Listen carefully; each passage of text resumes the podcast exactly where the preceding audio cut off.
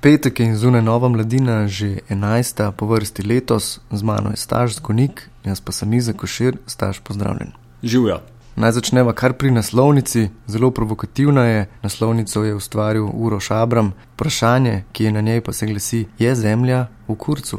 Ja, ampak to vprašanje, ta naslov ima povsem znanstveno podlago. Zato, ker eh, gre za naslov prispevka na eni znanstveni konferenci izpred parih let, v kateri je uh, geofizik Brad Werner se prav to spraševal, ali sploh lahko, glede na trenutno dinamiko kapitalističnega sistema in izkoriščanja naravnih verov, še govorimo o tem, da smo sposobni obrniti trende, ki nakazujejo vsi v isto smer, da je to, kar se trenutno dogaja na Zemlji in uh, v zvezi z izkoriščanjem naravnih verov uh, in neprestano neprestano gospodarsko rastjo sploh vzdržno na dolgi rok. Ko so ga po tem prispevku, po tem nastopu na konferenci novinarji vprašali, kakšen bi bil kratek odgovor na njegovo vprašanje, ali je zemlja v kurcu, je rekel: bolj ali manj.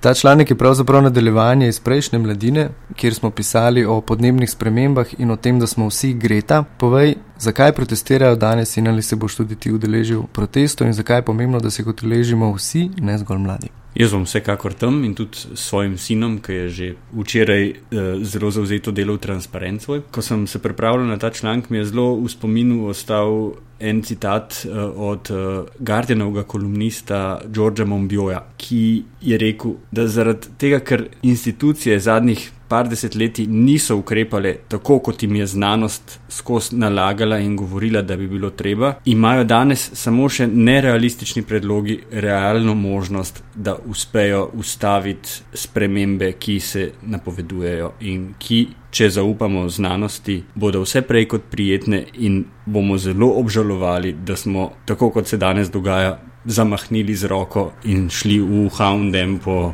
nadaljnih 20 cun ali pa šli z Ryanairom za vikend žurat v Berlin. Več pa si preberite v novi mladini, vsekakor spremljajte proteste tudi na naši spletni strani trikadvojneve.mladina.si. Staž, povej, kaj nas še čaka v novi številki mladine. Jure Trump piše o sporazumu med uh, koalicijo in levico. Imamo dober intervju z pisateljico Rachel Kask, potem uh, je tudi članek od Gregorja Kocijančiča o kultni igrici Line Rider, oziroma da bom bolj korekten o igri. Pol je tudi o tem, zakaj je tako zelo pomembno, koga bomo imeli na, za ministra za okolje in zakaj so vrtci v Berlinu toliko cenejši kot v Ljubljani. Hvala, Staš, in pa vabljeni na proteste. Enako, ja.